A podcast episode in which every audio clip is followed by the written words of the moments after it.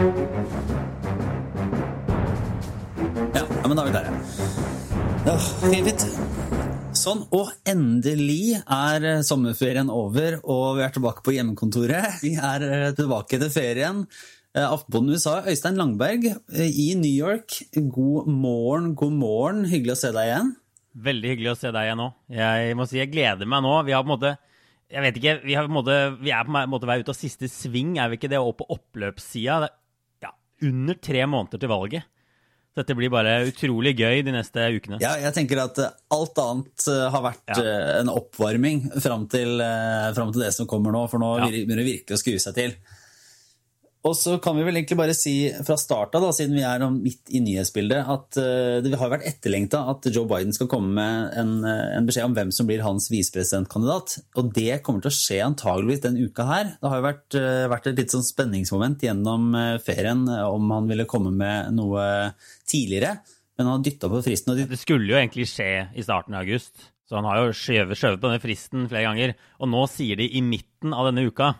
Og vi nærmer oss jo midten av denne uka med stormskritt. Så det kan komme når som helst, egentlig, tror jeg. Ja, så eh, Hvis ikke det kommer i løpet av neste halvtimen, da, så, så kommer vi tilbake og dekker dette når, når, det, når det kommer. For det er jo liksom den store, store hendelsene fram mot, eh, fram mot valget. Men eh, vi har vel på en måte drevet nok sånn spekulasjoner og forhåndsdebatt på dette her. Så vi får heller, eh, får heller ta en prat om det når det viser Ja. seg Ja. hvem, hvem det er som skal være med å styrke Bidens kandidatur. Det amerikanske journalister gjør nå, er å sitte på flight, fly, flightradar og se hvor privatfly som letter og lander fra ulike steder. Og I går var det et fra South Bend i Indiana som fløy til Delaware. Og da var folk hm, Kan det være noen fra Chicago som kjørte ned? Gretchen Whitmer fra Michigan. Det er langt dit, men likevel. Så det er sånn, det er, det er der man kan holde på, men vi skal ikke holde på der. Vi kommer når Men, det kommer. at, men var det ikke da en spekulasjon om at det var nettopp uh, Pete Buttigieg, som er fra South Bend? Jo, men han er jo ikke dame, så Nei, altså det, så- det, er- Her kan man spekulere til man blir grønn og blå. Det har også skjedd masse på disse bettingmarkedene de siste dagene. Men vi, vi, nå må vi bare vente til det kommer, tror jeg. Nei, eh, vi eh, får vel ta en liten sånn eh, skal ta en liten oppsummering av sommeren veldig, veldig kjapt, Øystein. For, for her har det jo vært feriering nå i, i noen uker. Og du har jo reist rundt da i koronaland, og, og det har vært relativt heftige uker som alltid i, i, USA, får jeg si. Men, eh, men eh, hvordan har det vært? Hva er det, du har, hva er det du har hørt at folk snakker om, og hva er det du har opplevd nå gjennom sommeren, Langberg? Nei, altså, Ferie i koronaland man, man lærer seg å sette pris på de små tingene i livet. Sånn som å ta opp et ferskt munnbind fra boksen eh, og sette det på ansiktet og sånn, når det gamle begynner å bli slitt og sånn. Så det er litt sånn, nei, det er litt annerledes. Eh, jeg må si Korona la ganske mye begrensninger på hvor vi kunne feriere, og hvordan vi kunne feriere i år. Så vi hadde jo en drøm om å dra til vestkysten, kjøre oppover California og sånn.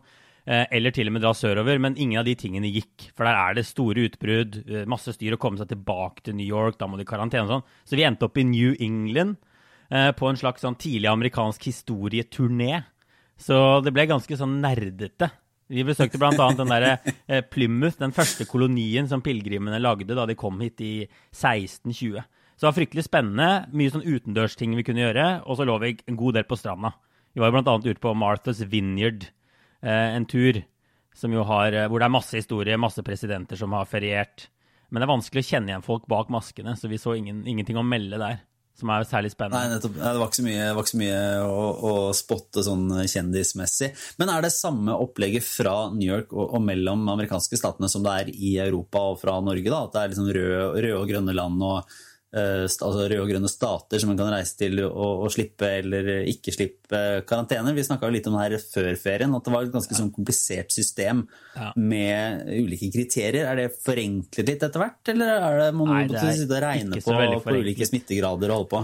Nei, men altså, det er, nei, det er forskjellige, forskjellige regler i alle delstater, men New England og det vi kan kalle liksom New Jersey og New York har nå ganske god kontroll. Eh, og New York har en egen liste, jeg tror det er sammen med Connecticut, over stater hvor man må ha karantene for å komme tilbake fra. Og den er sånn 30 stater lang. Eh, og det kommer egentlig stort sett bare flere og flere delstater på den. Så det er, det er komplisert, eh, rett og slett, å, å reise rundt nå. Men det er spennende også. I I USA så føler jeg at man møter et mye videre spekter av holdninger til korona. enn man kanskje gjør i Norge. Det er selvfølgelig folk som er uenig i altså, Det vil komme debatter om masker og hvor seriøst man skal ta dette og sånn. Men her er det på en måte Vi møter mennesker som ikke har vært ute siden mars, nesten. Og når de hører vi er på en slags roadtrip, så så føler vi nærmest liksom skam når, når de ser på oss. Ja, da er det dere som driver og tøyer grensene Ja, det er vi som pusher grensene, og er uansvarlige. Og, og, så det er på en måte en, gjeng. Og så er det noen som er litt mer sånn som er middle of the road, da. Sånn som vi var da vi var på ferie. Vi, vi, vi spiser på restaurant, men alltid bare utendørs. Eh, og det er det mange som gjør, da, men det er jo åpna for innendørsservering mange steder. Vi går på stranda, men vi holder avstand. Jeg vil si det er middle of the road. Og så besøkte vi en dame på en sånn, vi var på en Airbnb ute på Martha's Vineyard der, og hun, hun var helt i andre kategorien. da. Hun trodde ikke så veldig på korona, virka det som. Hun trodde heller ikke på vaksiner.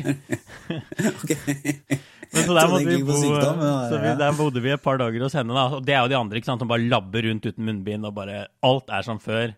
Men det er ennå til å gå og ende opp i de der vanvittige kranglene på butikken. Det har jeg ikke gjort. eh, Hvor folk bare skriker og spytter på hverandre og, og klikker. Men jeg ser for meg at nå, jeg skal si, Norge får jo en oppvåkning her nå, da, etter, etter en rolig sommer der jeg tror veldig mange har eh, senka skuldrene og reist litt rundt i Europa og holdt på i det hele tatt. Så, og har vel vært sånn som hun Airbnb-vertinna, og, og kanskje ikke sånn eksplisitt ikke trodd på koronaviruset, men kanskje ikke trodd at det skulle treffe Norge, i hvert fall. Og nå, er, nå bare kjenner at eh, blodet bruser, og folk blir forbanna igjen når de ser sånne fadderukestudenter i parkene og eh, bartendere som er sjuke, og nå det tetner seg jo litt til, da. Så jeg vet ikke du, hvor, hvor tett du følger den norske sm- smittevernsdebatten, men nå begynner det virkelig å, å ligne noe her også, tror jeg. Ja, jeg var jo hjemme i Norge i, i vår også noen måneder, som, som vi husker. Og ja, Norge har vært i en helt annen situasjon. Eh, litt sånn egentlig i himmelen. Litt sånn helt sånn en isolert øy. Og det fremstår egentlig ganske naivt, litt naivt, det som skjer nå, når man ser på hvordan smitten har spredt seg over hele verden. Eh, at ikke den ville komme tilbake. Og det er også litt sånn bare, bare å se på TV, da. Eh, I Norge så blir jeg det rykker litt i magen når jeg ser folk ute uten munnbind i sånne forsamlinger og sånn. Eh, 200 mennesker samlet i et rom uten munnbind. Det er sånn kjemperart, for nå er jo det som er stort sett da, standarden her borte. Eh, og jeg bare Ja, tipper det kommer til å komme i resten av verden. Ja, i resten av verden. Så det er bare, det er bare det er rart. Ja, det blir så verdensant ut, Øystein. Du er uh, mer en sånn eh, globalist som er ute og reiser og skjønner de ting litt før vi i pottitlandet Ja. Norge trenger noen ekstra måneder Ja, på, på å se at dette er noe. Sant det. Ja, ja. Ja, men vi skal vel egentlig fortsette inn i det som har vært, eh, vært en av de si, større politiske sakene, som seiler opp som, om vi skal kalle det, eh, Donald Trumps nye favoritthatsak og, og fiende. Og snakke litt om eh, si, altså forhåndsstemmer og poststemmer.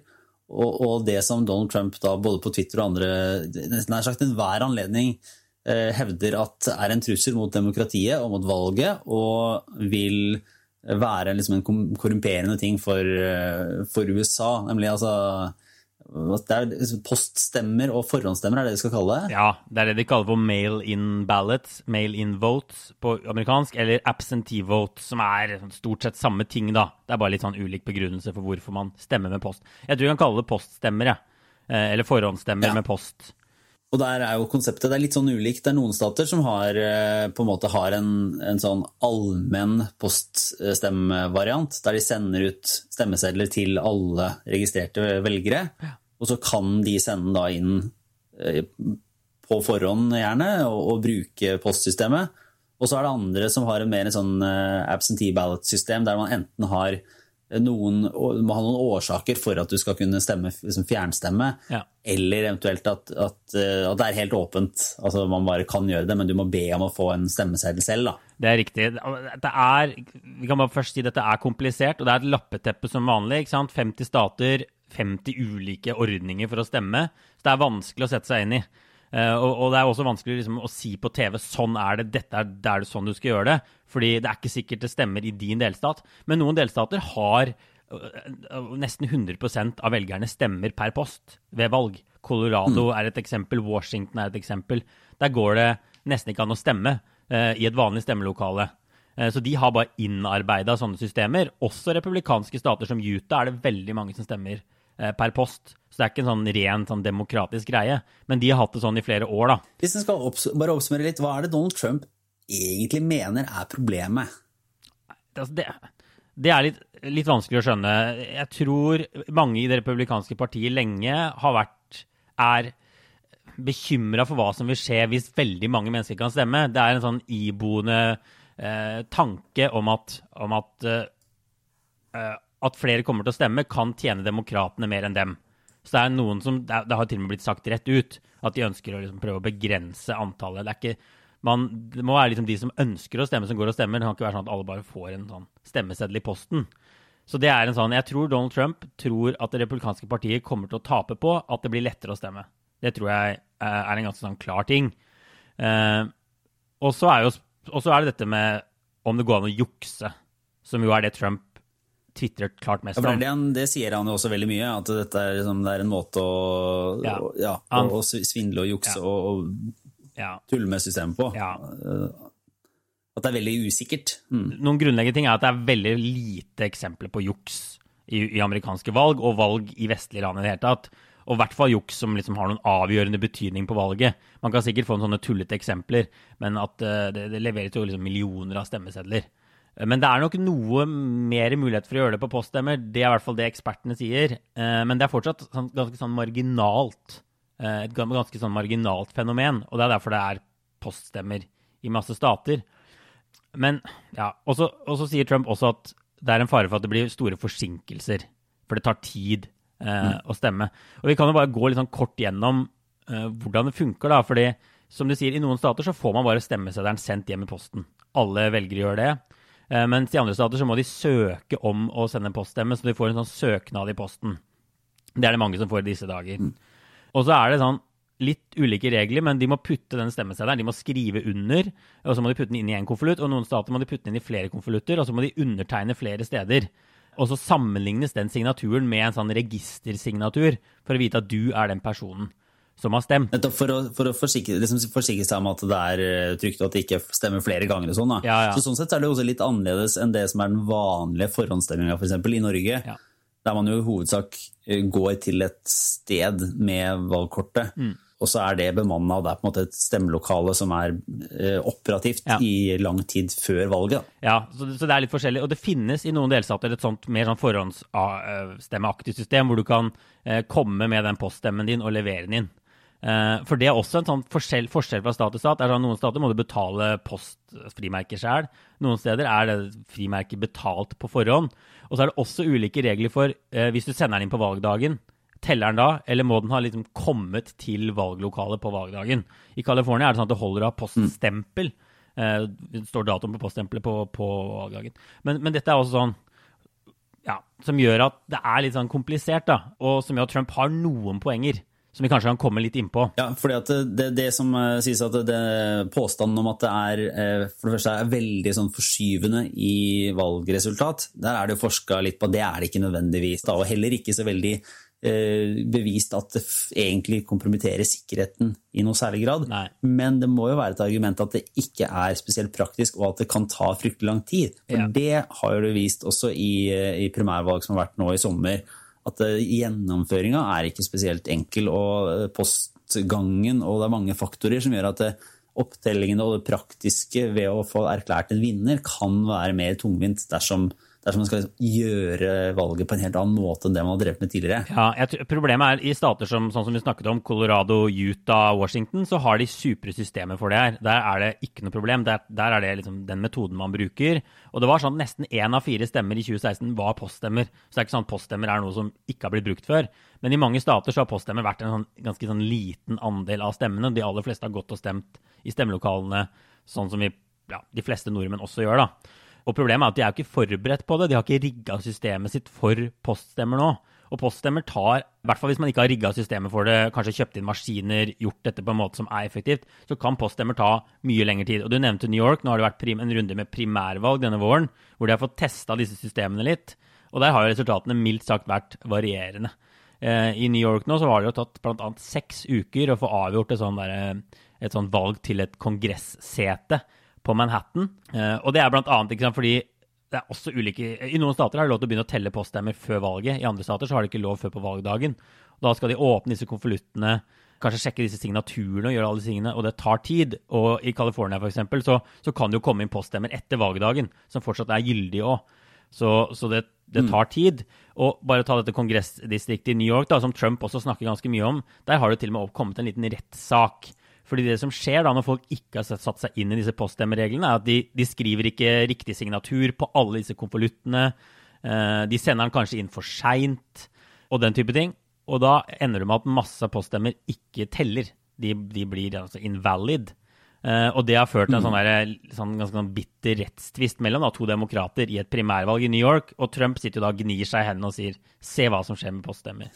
Jeg var jo et, en republikaner jeg hørte i en eh, annen podkast som, som, brukte mot et, som ikke var på Trump-argumentasjonen, egentlig, på hvorfor han ville ha mindre eh, bruk av poststemmer, men på at det, nettopp at det var litt sånn undergravende for, eh, for validiteten eller for liksom godkjennelsen av et valgresultat. Da. At det ble så mange muligheter for å Eh, krangle om eh, ulike aspekter på hvordan dette her var, og så vanskelig å telle opp og så vanskelig å finne ut, at det, eh, at det, ble, at det gjorde at valget og demokratiet sånn sett ble undergravd, da at prosessen var så komplisert. Men at det var det liksom, et trygt demokrati baserer seg på to ting. Det ene er at du, du får et representativt utvalg og flest mulig kan få stemme.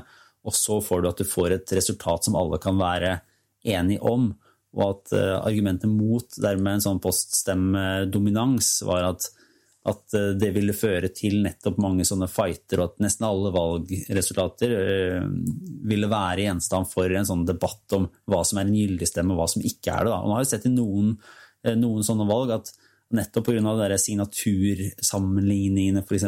Ja. gjør at, eh, at, det er veldig mange systemer som underkjennes. Da. Og det har man jo også, da, i likhet med veldig, veldig mye annet, sett at det rammer i større grad måte, minoriteter, fattige grupper.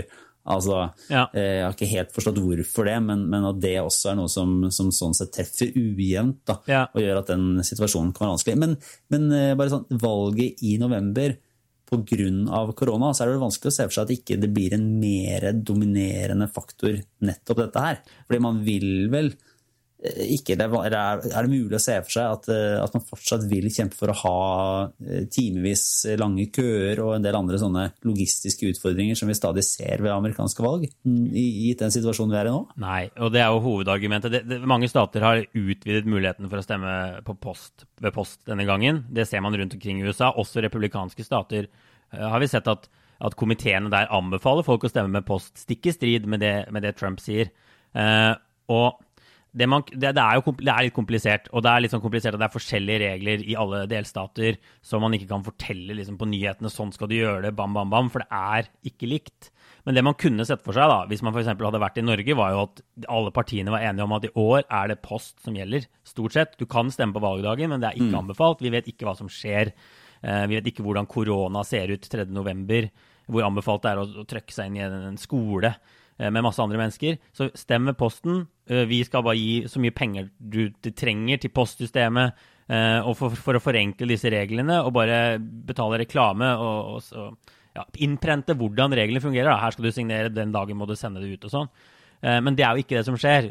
Det som skjer, er at Trump gjør alt han kan for å undergrave hele tilliten til det postsystemet. Og det kommer helt sikkert eksempler på rare ting, som at uh, folk som er døde, har fått et eller annet i posten. E, noen sånne enkelteksempler vil komme, og de vil da være veldig ødeleggende når du har en president som bare bereder grunnen for at ingen skal stole på disse poststemmene. Og det er også dette problemet med at Ofte så har jo resultatet kommet på valgnatta i USA. Man vet den som blir president litt utpå ut på morgenen. Eh, mens, i år, mens, i år, kan det jo ta kanskje dagevis, ukevis før man har resultatet, fordi man må telle disse poststemmene. Mens Trump heller jo mot da å si at den som vinner, eller den som leder på valgnatta, er den som vinner valget. det er bra. Det er så fin sånn uh, måte å tenke på. For sånn, ja, vi setter et tidspunkt, og den som vinner da, da er det ferdig. Da... Ja. Igjen så, kan, så, kunne man forberedt landet på å si Det er jo det ekspertene sånn på TV sier. I år så får vi ikke en valgnatt, vi får kanskje en valgmåned. Det er bare å gå og legge seg. Vi vet ikke resultatet. Det vet ikke da. Det kan jo hende hvis målingene får noenlunde riktig, så vinner jo Biden med stor margin. Eh, men hvis det blir mm. jevnt, eh, så, så, burde man jo også forberedt folket på at vi må telle alle poststemmene også, ikke bare de stemmene som blir levert på valgdagen. Og dette vil ta tid. Og vi må på en måte stole på systemet. Så, mm. så, så, så, de som virkelig liksom leser onde hensikter inn i, inn i, det Trump gjør, mener jo at dette er en måte for han å stjele valget på. Eh, fordi de tror demokrater i større grad kommer til å stemme per post. Eh, kanskje Trump kommer til å lede på valgnatta i de avgjørende vippestatene. Eh, og at han da vil prøve å stjele valget da, ved at hans velgere ikke skal stole på poststemmer. Mm. Men det er, ja, mye skal gå galt før det skjer. For Det er jo det litt sånn vanskelig å tenke seg helt hva logikken er da, fra han sittende president. Enten at han forbereder et tap, at han sier at ja. dette her systemet er ja, som er rigged og det er juksing og alt mulig rart. At han bygger seg en buffer for at, altså, hvordan han skal kunne forklare at han faktisk ikke får flest stemmer. Ellers så må det jo si, være en reell bekymring, da. det skal jo ikke se bort fra det. Eh, der det, dette ses på som et stort onde.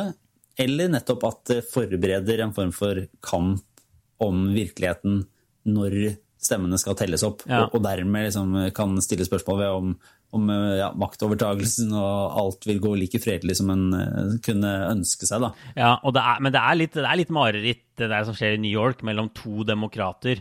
Uh, og jeg tror fortsatt ikke han som er antatte taperen, har innsett tapet. Og det går runder i rettssystemet på sånn der, det er forsinkelse i posten. ikke sant? Dette er jo en annen, annen ting. Eh, en av Trumps største donorer, eller givere, har nå tatt over Posten. De driver med sånn kostnadsprogram. Og nå beskylder demokratene republikanerne for å strupe postvesenet før valget. Så la oss si at det, blir masse forsinkelser i postvesenet, enorme forsinkelser, slik at disse stemmesedlene ikke kommer inn innen fristen i de statene de må det. Så er spørsmålet Det er jo perfekt sånn kamp i rettssystemet. Hva skal, skal de telle eller ikke, de stemmesedlene? Som da formelt ikke har nådd fristen, men kanskje da har blitt sabotert aktig, da.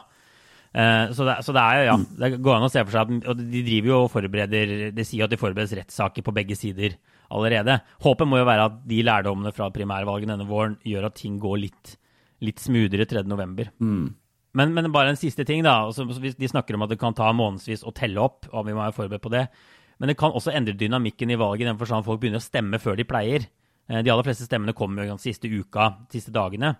Nå kan de første statene åpne for å stemme om Vi snakker om at de er på oppløpssiden. De om litt over en måned bare, så kan du avlegge poststemmer i de første mm. delstatene i USA. Lenge før det kommer en debatt eller noe som helst. Og det kan også ha ganske mye betydning. Så er, De snakker jo ofte om at det kommer en sånn oktoberoverraskelse på slutten av oktober som endrer dynamikken. Men den kan jo da bety eventuelt mindre hvis, hvis, mange, hvis mange, mange, mange har stemt. ja, nei, men Vi får, uh, får, runde av med den og fortsette med en uh, liten dose obligatorisk refleksjon. Jeg vet ikke, Øystein, om det er noe du tar, har tatt med deg fra ferielivet, eller om det er fra, fra det mer yrkesmessige som du har gått og tenkt litt på nå? Det er jo en sånn god blanding mitt yrkesliv og ferieliv og alt ja, om dagen. Så, så jeg, mm. dette er litt ferierelatert, men, men jeg var på en sånn drive-in-kino for noen uker siden. Hvor man altså kjører bilen sin foran dette, dette konseptet man har sett på amerikanske 50-tallsfilmer. Hvor man kjører bilen ja, ja, ja. sin inn mm-hmm. på et, en stor parkeringsplass. Nydelig. De har bygget den nå på et sånn gammelt jorde ved Greenpoint, som er på, på, på andre siden av Manhattan. I Brooklyn-Williamsburg-området. Eh, hvor de bare har liksom renska bort masse skrap og satt opp en skjerm, og så kan folk komme og parkere bilene sine og så se film. Og jeg har aldri helt sett poenget med sånn drive-in-kino før. Tenker liksom lyden er dårlig, uh, og man ser ikke helt skjermen og sånn. Men det var bare rett og slett en fantastisk opplevelse. Med, med Manhattan skyline i bakgrunnen og hele, og hele, pakka. Og det er en sånn helt annen følelse enn på kino. Det er mye mer sånn lokalsamfunn. Folk liksom går rundt Altså, jeg ser hvorfor liksom tenåringer heller drar på det her, da enn på, på vanlig ja, kino. Det, så det har jo fått en ny vår i USA, drive-in-kino, med, med, koronaviruset. Uh, og det er masse ting å ta stilling til og sånn når man kommer dit. Skal du rygge inn og sitte i bakluka og se? Skal du sitte inne og se ut av frontruta? Eller skal du legge deg på panseret, kanskje med sånn uh, lite pledd? Nettopp! Ja, ja, ja. Eh, men har, har, dere bil? Ja, vi har leid en langtidsleid en bil her nå. Fordi det er rett og slett viktig å komme seg litt ut av denne byen i ny og ne.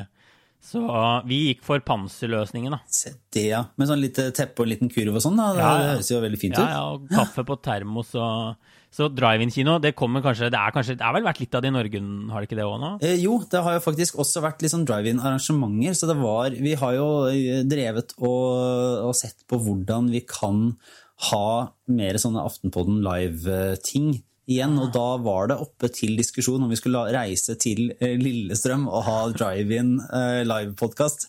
Men uh, jeg tror Jeg vet ikke om, uh, om, vi ikke helt hadde selvtillit til å gå løs på noe sånt. Det har vært litt sånn det er, det, er, ganske strenge restriksjoner nå, både fra, fra myndighetene og også fra Skipsted på, på, hva en kan sette i gang av arrangementer. Så, ja. så, vi har vært litt defensive på det, men det kan jo hende at vi skal se om vi kan få gitt det en sjanse sånn etter hvert. hvert hvis dette varer. Men da må det jo skje før det blir frost i lufta. Da, ja, sånn. for vi kunne klart, vi kunne ligge der utover kvelden i, i 29-30 grader og shorts og T-skjorte og, og, nyte filmen. Og Sånn er det jo ikke helt i Norge. Men vi kan jo vurdere å legge et US, Aftenpåten USA-arrangement til New York, da. Med drive-in. Ja, ja. Det er jo å heve ambisjonene litt. Ja, og det er, jo, altså det er jo digitalt for også, så ja. strengt tatt så trenger jo ikke alle, alle nødvendigvis å være der. Men det er jo litt finere skyline i New York enn på Lillestrøm, uten at vi skal havne Marginalt. i fella med å snakke ned Lillestrøm igjen. Ja, det har, vi, det har, vi, brent oss på før. Men eh, ja, ja, jeg kan jo ta min eh, obligatoriske refleksjon, som jeg på en måte har stjålet fra den, eh, en anbefaling i den gode podkasten Slate Political Gabfest, som jeg har snakket om før. Men der rota jeg meg inn i det er kanskje det mest nerdete jeg har hørt på uh, foreløpig, som en podkast som heter This Week in Virology. Altså en virologipodkast mm. som det har kommet uh, noe sånt som 600 episoder av. Men den episoden jeg vil anbefale, og som jeg lytta på med stor interesse, var en der uh, Harvard-forskeren Michael Mina var en gjest. Det er for noen, noen, ikke så mange uker siden, man kan, kan bla seg litt tilbake, så, så er Michael Mina gjesten. Eh, han har da en teori, og har også skrevet et leserinnlegg i New York Times sammen med en annen eh, en økonom, tror jeg det var, om en annen tilnærming til denne testinga da, eh, av covid-19. For det har jo vært en stor debatt i USA, og, og, blir jo det enda mer i Norge nå etter hvert som det er litt smitte igjen, men på hva som er tilnærminga man skal ha. Og Foreløpig så har det jo vært sånn at en har villet ha si, så absolutt gode tester som mulig. Mm. Altså så presise tester som mulig. Og man har de der lange jeg har ikke tatt det, men sånne lange q-tips som du dytter opp i nesa, mer eller mindre. Ja. Eh, eller dypt ned i halsen, og så får man eh, sender den av gårde, og så blir det testa, og, og, så får man et svar som skal være absolutt mest mulig pålitelig. Ja. Og det høres jo ut som en veldig logisk strategi, og jeg har ikke tenkt så mye på, på at det kanskje ikke var hensiktsmessig, men han, Michael Mina argumenterer for at man heller burde ha eh, veldig billige veldig mange og ikke veldig gode tester. Og da, eh, da kan man innføre et helt annen, ha en helt annen sånn strategi. Eh, fordi mye av smittesporinga skjer visst altså Det er for komplisert og det er for vanskelig når man har store utbrudd. Så, så, er det lett å spore, eller lett å spore, man driver og sporer hvem en person møtte for to dager siden, da. men ikke hvem en møtte for en uke siden, når man faktisk var eh, kunne smitte folk. Mm. Og han mener da at det fins tester i dag som er gode nok til å fange opp når man, er, eh, altså når man kan smitte noen.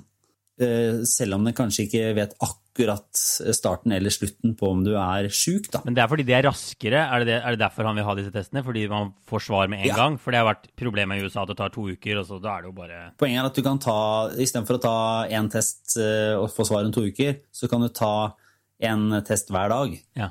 og få svaret der og da. Eller etter 15 minutter, da. Eh, ved å spytte på en sånn liten uh, papirlapp som skifter farge hvis du har, hvis du har spor av dette viruset. Og det gjør at, ja, at du f.eks. kan innføre en, så at man tester seg før man går på jobb. Da. Mm. Og, og, strengt tatt, hvis den testen skulle være feil på mandag, så er det liten, og du er syk likevel, så er sjansen veldig liten for at den også er feil på tirsdag. Ja. Og da vil du finne ut at ok, da, da, kan du, da får du gi deg å være hjemme og gå i karantene og ta en, si, en mer presis test og så bli ferdig. Da. Men det, det, mener han er en helt sånn åpenbart mye smartere måte på et samfunnsnivå for å begrense eh, eh, smitte og for å kunne styre hvordan man driver og sende folk tilbake på jobb. Da, for eksempel. så kan, du, kan alle teste seg før de går på jobb hver dag, og så se ok, nå har jeg faktisk fått, uh, blitt koronasyk, da må jeg være hjemme, og så må man gå til legen og gjøre alle de tingene. mens ja, det kan foregå mye mer effektivt. For hvis man tar disse dyretestene, da, som er veldig veldig presise, så får du ikke vite så kjempemye mer, men det tar mye lengre tid. Ja. Uh, Og de hadde da en, en gjennomgang av det her som var litt teknisk, så jeg er ikke helt sikker på om jeg anbefaler alle å lytte til uh, This Week in Virology. Men det var fascinerende å høre noen som var sånn Dette her, her er det en, uh, det han mente var en god løsning, og argumenterte godt for det. Og så var jo problemet at men opinionen har vært så, er jo så opptatt av at testen skal være så bra som mulig. Så disse forskerne og de selskapene som har de billigtestene, de tør på en måte ikke å lansere dem eller gå til myndighetene og si at eh, vi vil ha dette, fordi de frykter da å få ja, kritikk, eller at det på en måte blir eh, at det oppfattes som feil fordi de ikke er presise nok. Ja, ja. Eller at mediene lager saken om fikk negativ test, gikk på fest, smitta 100, testet Ja. Positivt dagen etterpå på elendig billigtest. Ja, nei, det er litt annerledes. Men sant, ja, ja. Så det, er, det er en interessant eh, dynamikk. Men per nå så tar det i hvert fall altfor lang tid å få svar i USA på de, på de eh, ja, som jo er et kjempeproblem. Så smittesporing her borte er jo veldig mange stater som ikke driver med, for det er altfor mye smitte. Eller de driver i hvert fall ikke med noe som er i nærheten av bra smittesporing. da.